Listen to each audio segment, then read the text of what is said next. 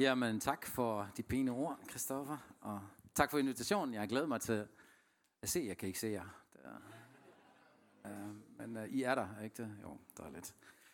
Um, ja, og jeg kommer fra Aarhus, og jeg kan bare sige, at vi er rigtig glade for, at Vinja er kommet til Aarhus. Uh, det er fantastisk, uh, hvad I har gang i i Aarhus, og Simon og Anna, de gør det rigtig godt. Og vi i Citykirken, vi har i hvert fald fået en rigtig god relation til dem og vi glæder os til den fremtid, der ligger foran os, også sammen med dem. Så dem kan I virkelig være stolte af. Og Flemming og Anne, dem kender jeg fra de sidste årtusind. Det er, det er sandt, det er virkelig sandt. Det er startet i 90'erne. Så øh, det er også dejligt at se ham igen og se jer igen. Øhm, vi hører rigtig godt om Vineyard, så det er skønt at være her. Jeg glæder mig. Øhm, nogle gange fortæller jeg en joke, men det skal jeg ikke i aften. Skal jeg? skal, jeg, skal jeg have en joke? En lille en. Okay, jeg har en rigtig god en, en rigtig præstevits. Uh, men uh, den fortæller jeg kun, fordi det er en katolik, der har fortalt mig den, okay? Jeg, har, jeg elsker virkelig kirke generelt, og det her, det, det er sådan lidt, den er lidt, ja, men okay, okay, nu er jeg advaret. Prøv at se her, fader Gud og søn og helligånd sidder sammen og snakker om, at vi skal på ferie. Så Gud far siger, skal vi ikke til Israel? Og Jesus siger, ah, Israel, der har ikke nogen gode minder. Det har ikke, det er ikke kun været det gode. Jamen, hvad kunne I tænke jer så? Så, så siger faderen, jamen, hvad, hvad med Rom? Skal vi til Rom? Så siger Helion, ej, det vil jeg glæde mig til. Der har jeg aldrig været.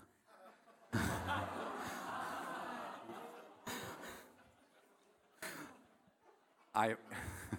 Jeg synes, det er god. og, og jeg fortæller den kun, fordi en katolik har fortalt mig okay? Godt. Så, så tør jeg godt.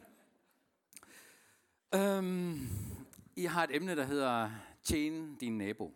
Og øh, det har jeg glædet mig til, fordi jeg, jeg har også gjort mig nogle tanker, og vi beskæftiger os selvfølgelig også i Citykirken med det samme.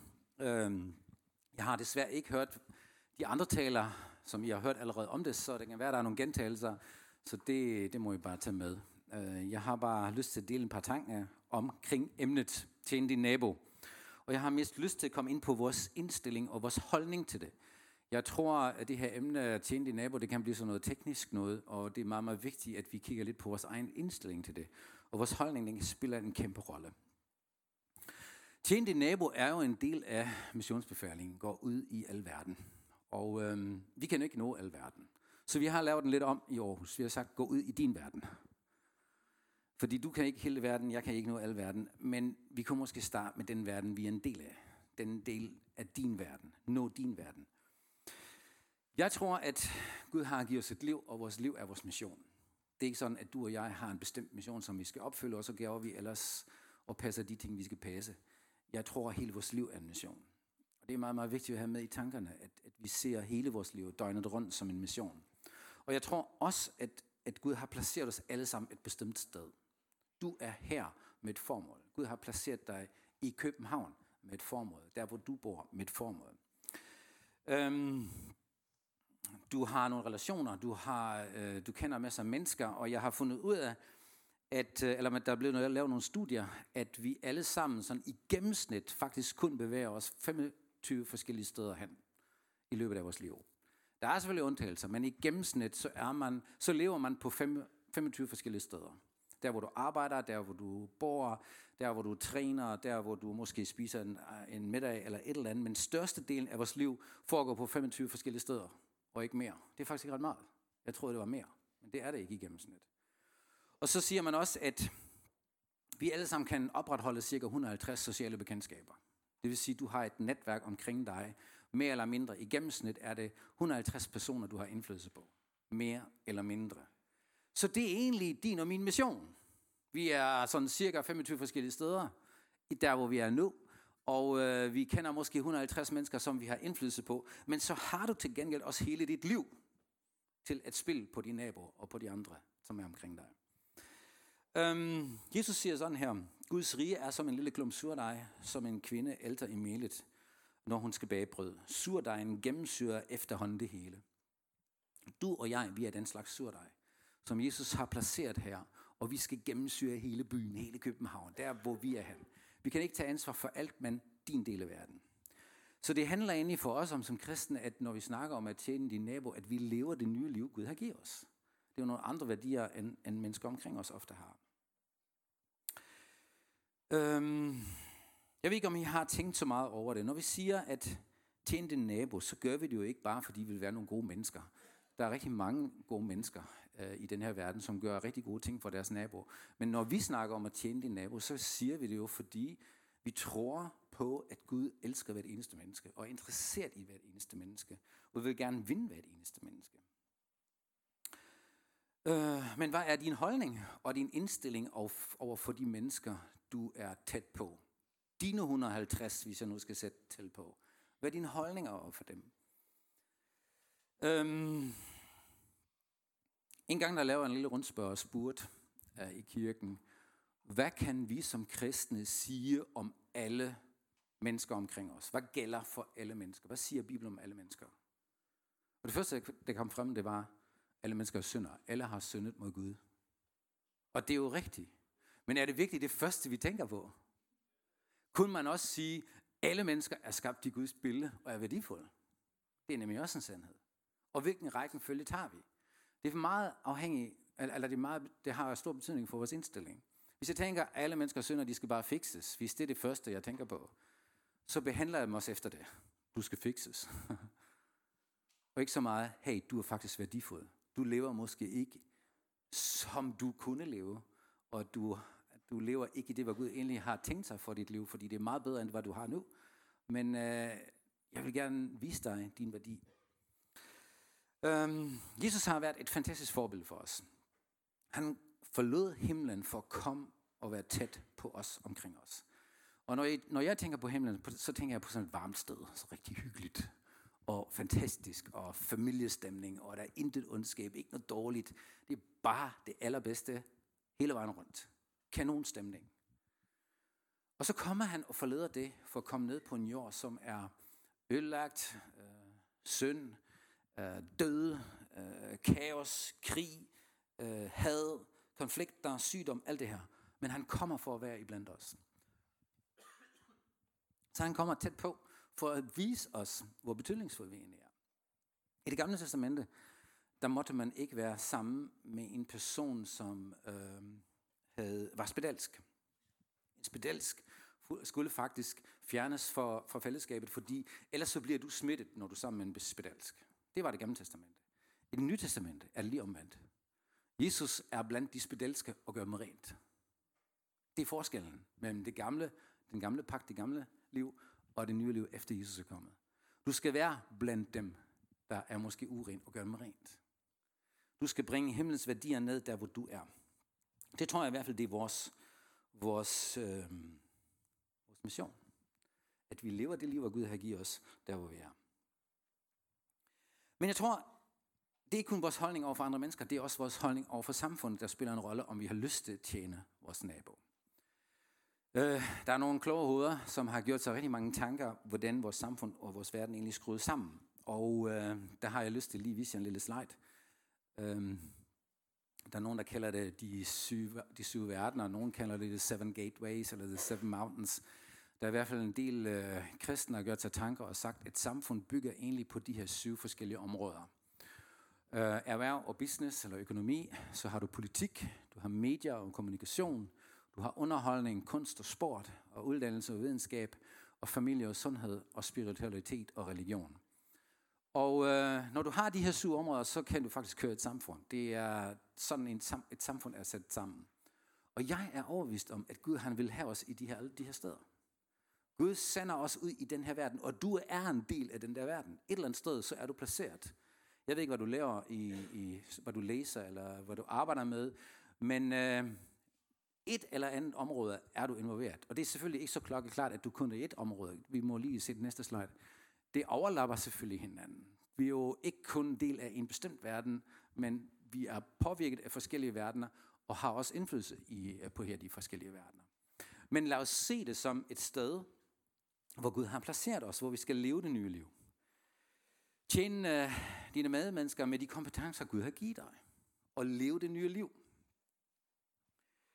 Jeg tror, at vi sådan alle sammen rent teoretisk kan godt sige, Ja, selvfølgelig skal vi tjene vores nabo. Og teoretisk siger vi, ja, det er rigtigt. Det er super.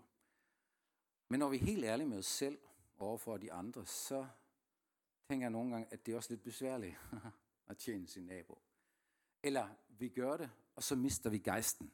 Så mister vi lysten. Øh, jo, det har jeg gjort. Jeg har været med, men i aften, der orker jeg ikke. Eller i overmorgen, det orker jeg heller ikke. øhm, nogle de mister gejsten, inden de overhovedet kommer i gang. det bliver alt for uoverskueligt. Og nu skal jeg også tjene min nabo. Øhm, jeg tror, der er forskellige årsager til, hvorfor vi nogle gange øhm, mangler passion eller lidenskab at tjene vores nabo. Her, her er et par enkelte grunde, som jeg kan finde frem til, og du har måske nogle andre også. For det første, nogle gange kan behovene være kæmpestore. Og så store, at man siger, at det orker jeg slet ikke røre ved. Jeg kan ikke løse det her. Der er et kæmpe problem, og øh, jeg starter slet ikke, fordi hvis jeg først rører mig ind i det, så bliver jeg opslugt af det, og jeg, jeg, jeg lader være. Jeg, kan, jeg ved slet ikke, hvor jeg skal starte hen. Jeg tror ikke, at behovene, eller at vi ser nogle behovene, skal være vores drivkraft. Det kan være en anledning til, at vi ser, her skal der ske noget, og jeg kan gøre noget, men det er ikke selve drivkraften, bare at se et behov. Vi skal ikke være behovsstyret, når vi skal tjene vores nabo. Det tror jeg ikke på. Alle kan se behovene, hvis man bare gør sig lidt umage. Altså, jeg læste faktisk en sjov ind, at øhm, Martin Luther, han skrev de her 95 teser på døren, hvor mange ting, der var galt med kirken. Og så er der en, der har skrevet, Givet det var så ved, at han så kun 95 fejl ved kirken. Øh, fordi man, man, øh, vi kan alle sammen finde behovene og fejl, og hvor vi kan rette tingene ind. Men at se behovene, se fejlene, eller se tingene, der skal rettes op, kan ikke være vores drivkraft. Så har vi den der med øh, burde og skulle. Som kristen, der burde du os og hjælpe, og du skulle os hjælpe lidt. Og det er egentlig noget, vi forventer af dig. Andre folks forventninger. Kom nu her, er du ikke kristen? Skal du ikke handle sådan her? Um, det kan jo skubbe os en enkelt gang eller to gange, men det kan ikke være vores drivkraft på lang sigt. Jeg har fundet ud af, at jeg bliver bare træt af det. Øh, andre folks forventninger, og hvis jeg burde, og jeg burde bare og skulle, alt det der. Det kan ikke passe. Og jeg kunne lave en lang liste over, hvordan vi nogle gange er motiveret til vores nabo. Men jeg har fundet frem til én ting, som jeg mener skulle være vores drivkraft. Og vores motivation og vores drivkraft til at træne andre eller tjene andre må komme indfra. Det skal komme her indfra. Hvis vi vil gøre det ordentligt, hvis vi vil gøre det rigtigt, så skal motivationen komme indefra. Der skal noget passion til. Der skal være noget lidenskab. Det skal, nå ja, jeg tjener bare. Jeg ved ikke, hvad jeg har gjort. Jeg har spist, drukket det forkerte øl, tror jeg. Um, der skal noget passion til, der skal noget lidenskab til, hvis vi virkelig vil tjene vores nabo. Og især når vi vil vedvarende blive ved med at tjene vores nabo. Uh, der skal noget til, som er som, som rører os dybt inden i herind, så at, at vi er motiveret til at gøre det. Jeg har gjort mig umage og fundet ud af, hvad ordet passion egentlig betyder på dansk. Det danske ordbog det siger, at det er en stærk drift, en meget driftbetonet følelse, en slags lidenskab, en forkærlighed, en drivkraft, som kommer indfra. Det kalder man passion. Øh, lad os sige lidenskab. Lidenskab til at tjene andre. Fordi hvis vi virkelig tjener andre, så koster det energi. Og hvor får vi den her energi fra? Hvorfor, hvor får vi overskuddet, øh, overskuddet fra til at betjene andre? Det må komme et eller andet sted fra. Kan vi godt blive lidenskabelige, helt hjertet og autentisk og blive ved med det? Er det muligt som kristne? Er det ikke franskmændene og italienerne, der er lidenskabelige? Men danskerne, hallo, jeg synes i mors, der var ingen lidenskab. Nej, undskyld er, det, er det ikke dem, der er lidenskabelige? Er det ikke dem, der er passioneret? Og vi danskere, vi er sådan lidt mere stille og rolige. Jeg har nogle citater, som kommer over nogle folk her. Det første er en, der hedder, er Pophånd forsvundet? Der kommer den. Nej, den anden først. Nå, den har jeg ikke. Der, der er en, der, en dansker, der hedder Heiberg, han siger, danskerne kan kun nære to stærke lidenskaber. Misundelse og skadefryd. Hallo, er det rigtigt? Jeg ved det ikke. Jeg tror det ikke. Altså, sådan har jeg ikke ladt danskerne kende. Men Arne Melchior, han siger sådan her. Af to årsager vil der aldrig opstå revolution i Danmark. Først og fremmest regner det for meget, og man kan ikke revolutionere uden en opslået paraply, under en opslået paraply. Dernæst skal et hvert tilløb til revolution overstås inden spisetid, for danskerne vil ikke gå glip af sin varme aftensmad. Sådan. Der er et, der er et eller andet om det. Øhm, jeg har hørt det flere gange. Men jeg tror, der er nogle ting, som vi faktisk parat til dø for, eller kæmpe for. Og jeg vil gerne lige vise et eksempel, hvor danskerne virkelig har vist lidenskab. Det er under 2. verdenskrig. Har I set filmen med Hvidstengruppen? Jeg var helt vild med filmen, fordi til sidst, da den her målstandsgruppe bliver fanget af tyskerne, og de bliver dømt til døden, øh, hvis I har set filmen, så ser jeg de alle sammen på en lastbil. Jeg mener, det var 8 eller omkring de 12 mennesker, 12 mand. Der sidder I på, bag på en lastbil, og så bliver de kørt til det sted, hvor de skal skydes. Og mens lastbilen kører, så sidder de der i fuldstændig stille, og nogen er selvfølgelig nervøse og også bange, men så synger de altid Friday, når du går. Det er sådan, det går helt, man får helt gåsehud. Prøv at forestille dig, at der er nogle mænd, der er parat til at dø for noget, som er større end dem. De er parat til at dø for det. Det kalder jeg lidenskab. Det er ikke sådan højt råben som amerikanerne. Altså, undskyld, der er ikke nogen.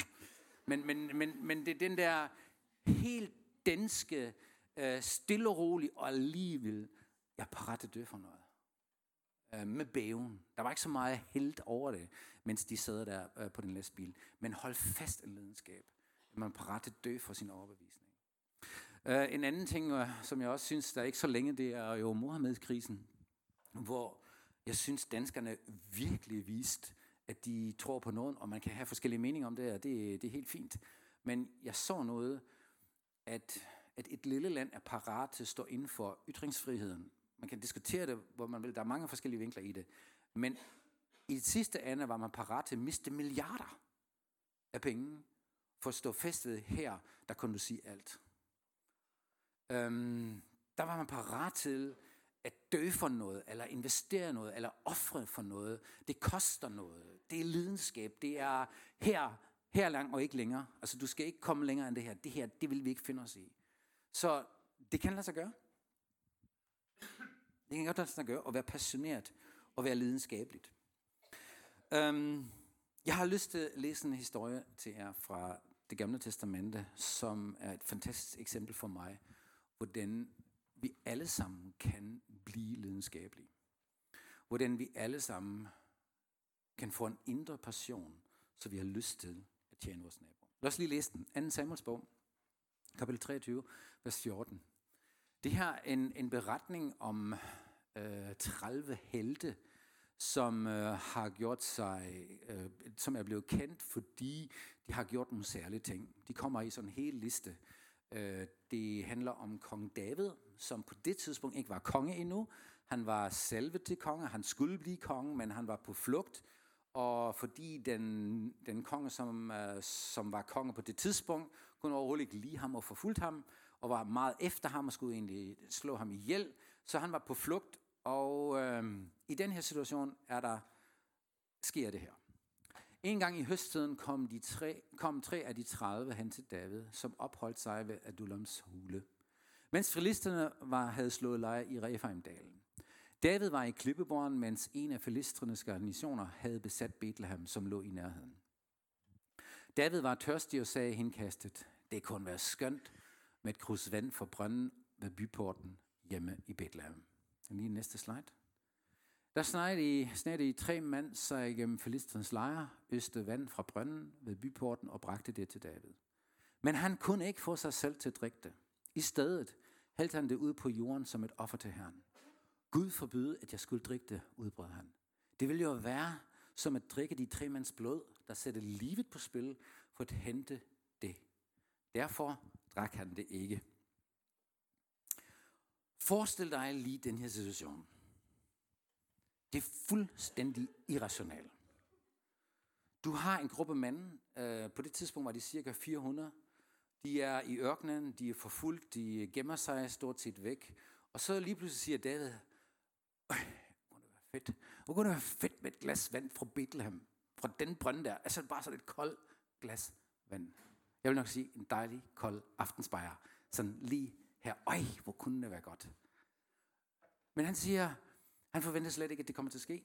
Fordi byen er belejret. Fjenden har indtaget byen. Man kan ikke komme ind. Hvis du bare tager chancen at komme ind, så er der en kæmpe chance for, eller risiko for, at du kommer til at dø.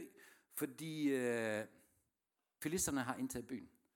Der er ingen vej ind, der er ingen vej ud. Og det kan koste dig livet. Og hvem har lyst til at sætte sit liv på spil for et glas vand? Så David, han kaster det ind, og han forventer slet ikke, at det kommer til at ske. Men de her tre mænd, de tænker, wow, det her, det, det skal vi da bare gøre. Vi skal da hente det her glas vand til ham. Så øh, jeg ved ikke, hvad der er sket. Det er jo, det er jo sådan nogle, nogle store, stærke mænd her, der siger, nu skal vi bare ind og hente det glas vand. Det kan være, at vi mister livet, men jeg er ligeglad. Jeg har simpelthen lyst til at hente det her glas vand til ham. Og de gør det. Da de kommer tilbage til David, så siger han, det her, det her er alt for kostbart. Det her glas vand er en million værd. Eller meget mere, fordi det er jo jeres liv, jeg har sat på spil for at hente det her glas vand for mig. Alle kunne forstå, hvis man vil ofre sit liv for noget betydningsfuldt. Forestil dig, jeg har en lille datter, som øh, render ud på vejen, og der kommer en bil, og jeg kan se, at hun er i fare, og jeg kaster mig over hende, og jeg mister mit liv for at redde mit barn. Så vil jeg sige, okay, det er flot gjort. Det, det forventede vi af en far. Det er okay. Der har, det, det, det må godt koste noget, at du beskytter dit barn. Men at sætte sit liv på spil for et glas vand, hallo. Det er totalt irrationelt. Det interessante i den her historie, det er, at David ikke siger til de tre mænd, du og du og du, I skal lige over til Bethlehem, sæt jeres liv på spil og hente et glas vand til mig. Det gjorde han ikke. Det var sådan noget henkastet. Øj, det kunne være godt med et glas vand. Men jeg forventer det ikke. List mellem jer. Der, der er ingen, der skal hente det til mig. Prøv her. Det er rent luksus. Det, det, det kan ikke lade sig gøre, og det, det giver ingen mening. Og jeg vil overhovedet ikke forvente, at der er en af jer, der sætter sit liv på spil, bare fordi jeg skal have et glas vand. Det er det, han siger. Og vi mærker det efter, når han siger, jeg vil ikke tage det her imod. Det, der, der er ingen, der fortjener sådan et offer end Gud alene. Så han halter det ud som et offer for Gud siger, du alene er så meget hengivenhed værdig. Øhm, vi er nødt til at forstå de her tre, tre mænd, hvad der egentlig er sket med dem, og hvorfor de har lyst til at sætte deres liv på spil. Jeg har lyst til at læse noget fra 1. Samuels bog. Se her. Her får vi en forklaring, hvad det var for nogle mennesker. Øh, så forlod David Gad og bragte sig i sikkerhed i Adulams klippehule. Der sluttede hans brødre og de andre slægtninge til, sig, til ham. I alt 400 mand samlede sig omkring ham. Det var folk, som var utilfredse med landets tilstand, eller var kommet i vanskeligheder, det var undertrykte eller forgældede. Her ser du baggrundshistorien af det her fantastiske billede.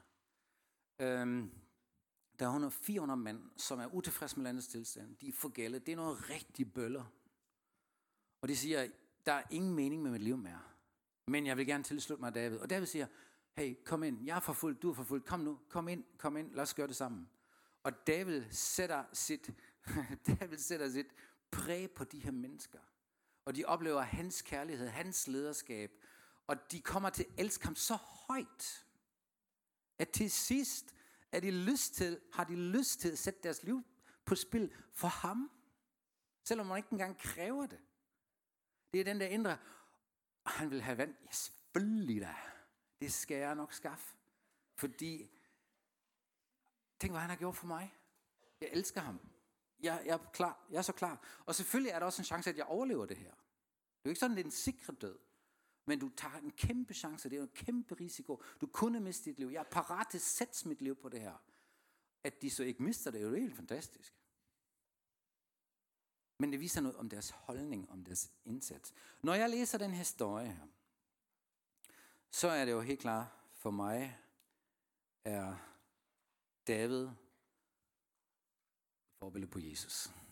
At David er vores Jesus. Han modtog os alle sammen. Vi er alle sammen nogle bøller. Okay? Så David er forgældet og i vanskeligheder, måske lidt utilfreds med landets tilstand. Og han har sagt, kom nu, følg mig. Kom som du er. Og mens vi er sammen med ham, så ser vi egentlig, hvor meget han elsker os. Hvor meget han betyder for os. Og øh, ligesom David betyder noget for de her 400 mænd, sådan så meget betyder Jesus for os. At øh, jo mere jeg lærer ham at kende, og hvor meget han bærer over med mig, hvem jeg, hvem jeg er, og mine motiver og mine tanker, så kan jeg jo bare stå der og sige, wow, Jesus, det er helt fantastisk, hvordan du er. Du er en fantastisk leder. De tre mænds lidenskab, deres passion, var en reaktion på den kærlighed, de oplevede. Øhm, det er sådan en blanding af taknemmelighed og hengivenhed og lyst til at give igen. Det er jo ikke et krav for David. Han sagde, prøv nu her, nu har jeg gjort så meget for jeg kan jo ikke engang have et glas vand for mig? Overhovedet ikke. Han vil aldrig gøre det mod sine folk som jeg kan se Davids karakter. Han vil aldrig sige, du skal bare derover og sætte dit livsbillede for min skyld, fordi nu har jeg gjort så meget for dig. Aldrig i livet. Han vil beskytte sin egen folk. At de gør det af ren lyst, fordi det, det vil de bare. Det er noget helt andet. Det er den indre motivation, der kommer frem, når vi ser, hvor meget Jesus egentlig elsker os. Jeg har lyst til at sige til dig her i aften, at Jesus elsker dig så meget, og har accepteret dig 100%, at du aldrig nogensinde kan gøre noget, for at han accepterer dig mere. Du kan ikke tjene dig til, at han elsker dig mere. Eller nogle gange tænker vi, Nå, når jeg har fået styr på den her synd i mit liv, så elsker han mig noget mere, eller så accepterer han mig noget mere. Aldrig i livet. Jesus kommer aldrig i livet til at elske dig mere eller mindre, end han gør lige nu. Fordi hans kærlighed til dig og mig er så uafhængig af os selv. Han elsker os totalt og komplet. Fordi han er sådan. Ligesom David. Han levede med de bøller der. Men hans væsen forandrede dem. Først kom der accept, så kom der forandring. Vi skal ikke først forandres for at blive accepteret. Det vender vi hurtigt om i kirken, er ikke rigtigt? Altså du kan komme til Jesus som du er, men så snart du har været der, så skal du altså forandres. Hallo? Du skal da ikke være, som du har været. Har du været i kirken i et helt år, og ikke giver nogen penge til kirken endnu? Hallo? Så er du ikke accepteret mere. Altså, gør det, så er du accepteret igen. Er det rigtigt? Inden du bliver kristen, så må du gøre alt. Næsten. Og så bliver alt tilgivet, når du kommer til Jesus. Men bagefter, så spiller han en anden klaver. Fordi nogle af der tror jeg, at vi har ikke forstået, hvor meget Jesus egentlig elsker os. Hans accept og hans kærlighed til os bliver ikke større, fordi vi har overvundet nogle synder, eller nogle dårlige vaner, eller vi beder lidt mere, eller vi har de rigtige teologiske holdninger. Alt det der, det kan lige så godt droppe. Det ligger så meget i os, at vi tænker i de baner. Men sådan er han bare ikke. Så han elsker dig totalt og kræver ikke, at du sætter dit liv på spil for et glas vand. Men fordi han elsker dig så meget, så får du måske lyst til at gøre noget. De her tre mænd, altså de her Davids mænd, de, øh, de følte sig så meget elsket og så meget modtaget af ham, at det ikke var en akademisk viden, David holder af mig. De følte det. Jeg tror, vi hvis du er her, og du tror på Gud, og du er kristen, så har du nok hørt, at Gud elsker os. Og du vil altid kunne skrive under, ja, Gud elsker os. Gud elsker os mig. Men hvor meget føler du det egentlig i din hverdag? Føler du det virkelig, at Gud elsker dig, når du går på arbejde? Føler du, at, at din far i himlen holder af dig? Eller bliver det sådan noget, når du beder til ham, at han skal lige rette op på det her og det her og det her og det her, og når du har gjort det, så kan du gå på arbejde? Den der kærlighed, som Gud har til os, den skal fra hovedet ind i hjertet. Øhm, først når vi modtager, så kan vi give. Jesus er kommet for at vise os, hvor meget faderen elsker os. Han siger, når I ser mig, så ser I faderen. Øhm, når, når Jesus siger øh, faktisk forskellige steder i Johannes evangeliet, at ligesom faderen elsker mig, elsker jeg jer. Det bibelvers, det har nogle gange rocket mig, rocket mig helt vildt, fordi jeg har spekuleret lidt over og reflekteret lidt over, hvor meget elsker faderen egentlig sønnen. Der er jo ingenting imellem dem. Det er jo perfekt. Det er jo enestående kærlighed mellem faderen og sønnen. Og så siger Jesus, ligesom han elsker mig, sådan elsker jeg dig. Det chokker mig. Jeg kan slet ikke gribe det i mit hoved. Jeg kan mærke det i mit hjerte. Jeg tænker, okay Jesus, det må være enestående. Hvor meget du holder ind i mig. Jeg kan ikke rumme det i min forstand, at du elsker mig sådan. Men når jeg lader det synke ned, så kan jeg mærke, at det forandrer mig. Det ændrer mig. Det ændrer min holdning. Det ændrer min indstilling. Øhm, vi gør det nogle gange svært for os selv, synes jeg, ved at vi føler os for, forpligtet til at elske Gud og elske vores næste. Når du spørger i Danmark, hvordan vil du definere kristendom, så er det typiske svar, enten i en skole eller andre steder, jamen det, kristendom det handler om at elske Gud og elske din næste. Er det ikke rigtigt? Det handler om kærlighed. Og det er ikke helt forkert, vil jeg sige.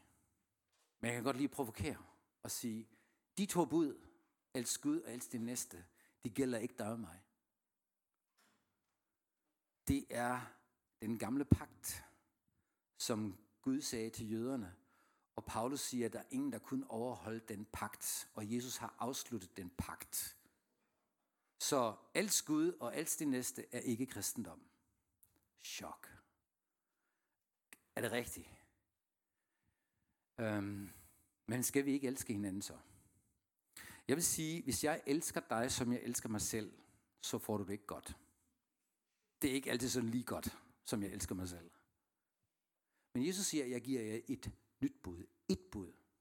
Den nye pagt består af et enkelt bud. Jesus siger, som jeg har elsket jer, skal I elske hinanden. Og det er en helt anden kvalitet. Jesus siger, jeg elsker dig, og som jeg elsker dig, skal du elske de andre. Det vil sige, at jeg er først nødt til at modtage den der slags kærlighed.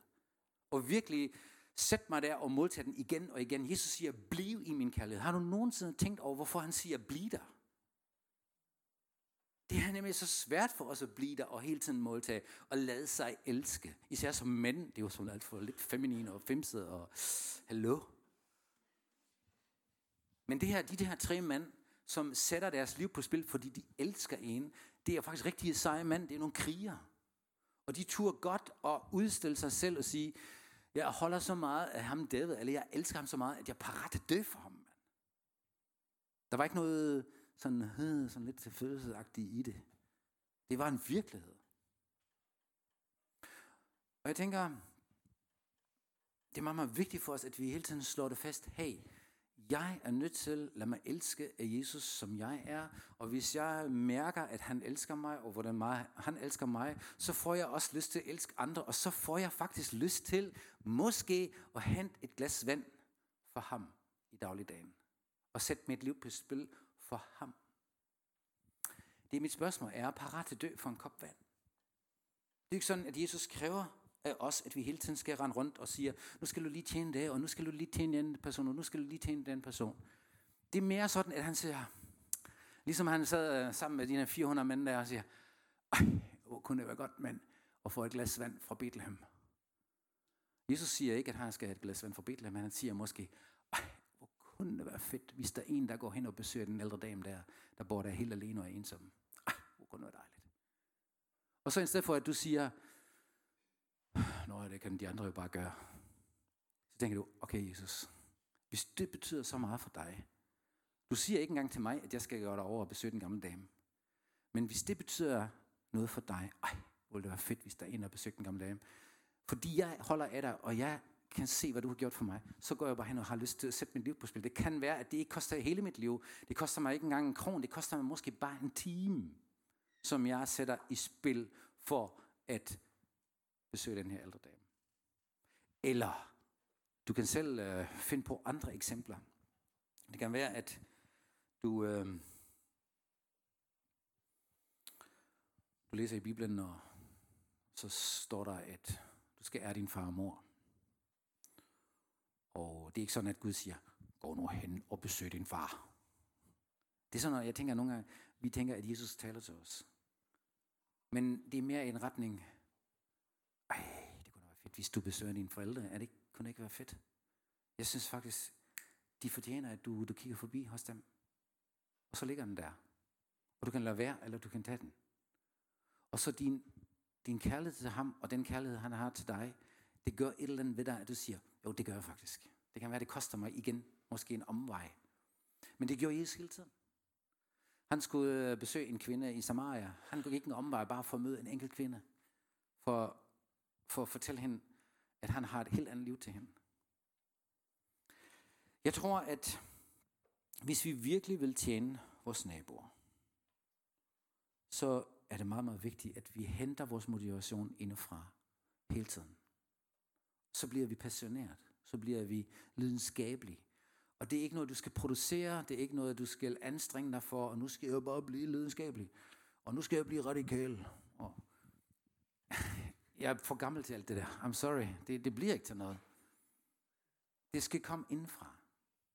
Og den eneste chance, at det kommer indfra, det er, at jeg bruger tid til at finde ud af, hvordan Jesus tænker, hvem han er, og finde ud af, hvad er hans hjerte. Og når jeg finder hans hjerte, så har jeg lyst til at sætte mit liv på spil. Og han, han kræver det egentlig ikke, men han glæder sig over det. Ligesom David, han sagde, wow, det her det er jeg slet ikke forventet, men fedt. Det giver jeg ligesom et offer. Du får en løn. Det er ekstremt tilfredsstillende at sætte sit liv på spil. Det er ekstremt tilfredsstillende at sige, det her, det har jeg lyst til at gøre. Og kommer indenfra. Så får du løn, og den person får også noget ud af det. Selvfølgelig får den person noget ud af det. Jesus siger sådan her, og så slutter jeg. Den, der bare giver et glas koldt vand til den ringeste af mine disciple, fordi det er en disciple af mig, skal ikke gå glip af sin løn. Der har du et glas vand igen. Det her glas vand i sig selv er det jo ingen værdi. Det har ingen værdi. Du kan få det for en to kroner, tror jeg, sådan en flaske vand. Men det bliver lige pludselig ekstremt værdifuldt, for der er, fordi der er en, der er parat betale med hele sit liv. Kan I se det? Et glas vand, en lille ting, bliver ekstremt værdifuld. At du hjælper en ældre dame over vejen, bliver lige pludselig noget ekstremt værdifuldt. Fordi du har sat noget i spil. Og det betyder ekstremt meget for Gud. Det bliver ikke bare sådan en lille ting.